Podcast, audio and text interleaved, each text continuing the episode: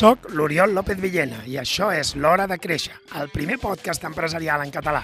Cada setmana parlem de com desenvolupar estratègies de creixement i executar prioritats per assolir els teus objectius. Segueix escoltant si busques idees, històries i experiències que t'ajudin a gaudir d'un negoci més rendible i divertit de dirigir. Som-hi!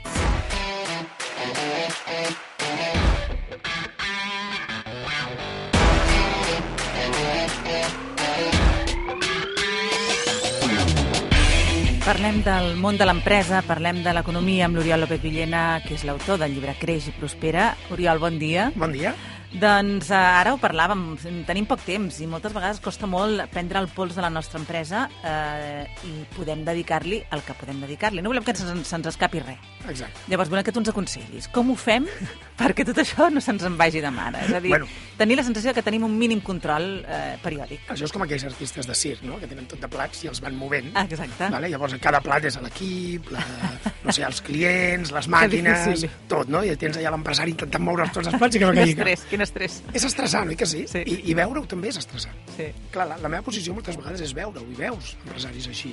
I, i jo sempre els dic, clar, o sigui, el, el problema que tens aquí és que necessites un equip, o sigui, necessites posar els plats a taula, això és el primer. Però després necessites que aquests plats s'organitzin a través d'altra gent, no? I has de començar a crear un petit equip directiu. Si ets una empresa molt petitona, aquest equip directiu és l'encarregat de torn, o el comercial, o el comptable, i si ets una empresa més gran, doncs un equip directiu, podríem dir, amb ja tots els seus títols i targetes de visita. No?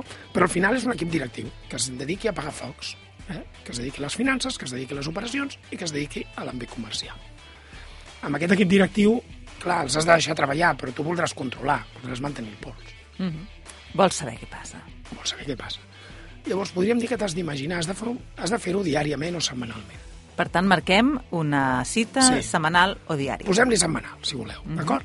I has d'entendre que és com si estiguessis a la presó i eh, haguessis de fer només una trucada. Per tant, no pots fer grans coses amb una trucada, però sí que pots fer preguntes molt concretes i saber, per saber exactament com va l'empresa des de la presó. Mhm. Situem-nos aquí. Vale? Llavors, hem de tenir clares tres coses. La primera és que no serveix, una reunió d'aquest tipus no ha de servir per actualitzar projectes. O sigui, és que estem ara amb un client que estem tenint un problema amb la fabricació del seu producte, llavors tota la parafernàlia per donar informació no serveix, perquè serà molt llarg, la trucada a la presó se'ns acabarà i no sabrem com va l'empresa. Per tant, no pot servir per actualitzar l'estat dels projectes. Per això ja hi ha l'email, o videoconferències, o les seves pròpies reunions internes de cada departament. Aquest seria el primer. El segon seria ajuntar-los a tots, és a dir, no fer reunions només amb el comptable, o només amb l'encarregat de producció, o només amb el comercial, sinó ajuntar-los els tres a la mateixa sala. Per què? Perquè necessitem que gener- generar empatia, necessitem que s'entenguin, que eh? jo en diria comprensió. Necessitem que, que, que sàpiguen què es cou als altres departaments. És contextualitzar una mica cadascun dels departaments. Exacte, ho has dit fantàstic, i a més també em sé, veus? Contextualitzar, és a dir, el, el, es tracta de que tothom sàpiga la seva feina en com es relaciona amb les altres. Mhm. vale? I per últim, generar compromís. Si tu, que ets la cap de ventes, dius allà al davant que trucaràs a tres clients, doncs t'estàs comprometent davant meu, que sóc el de finances. Per tant, generes cert compromís i això sempre genera més acció que no passi no hi ha aquest compromís.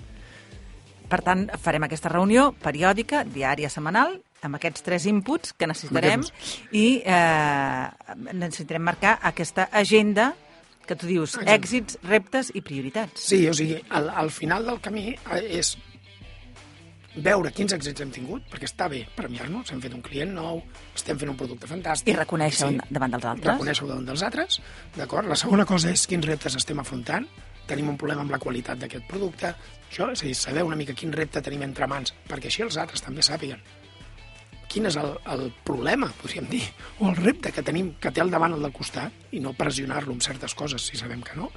I per últim, quines són les prioritats de la propera setmana? En què treballaràs la propera setmana? Uh -huh. En què et centraràs?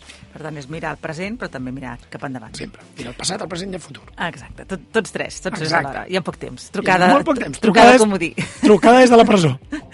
doncs ens queda clar, eh, així tindrem el pols de, de l'empresa, del negoci que tenim eh, en molt poc temps. Moltíssimes gràcies, Oriol, que passis bons 15 dies i d'aquí 15 dies ens tornem a trobar. Moltes gràcies.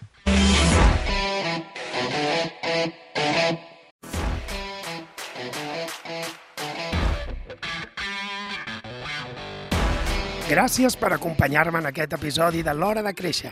Si t'ha agradat, ja saps què has de fer Escriu una ressenya, comparteix-ho amb algú i uneix-te a la comunitat de les empreses proactives. Gràcies per escoltar-me i recorda, l'acció és qüestió de prioritats.